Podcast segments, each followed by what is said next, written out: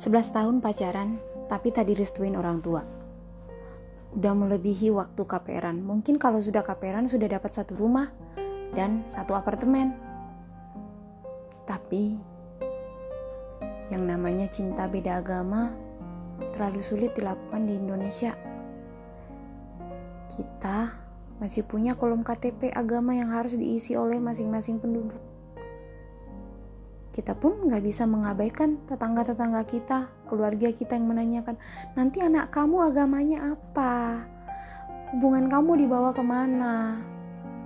Nanti bagaimana? Nanti bakal ada masalah-masalah. Nah, akhirnya 11 tahun pacaran itu diakhiri dengan berpisah. Ikuti podcast saya ya.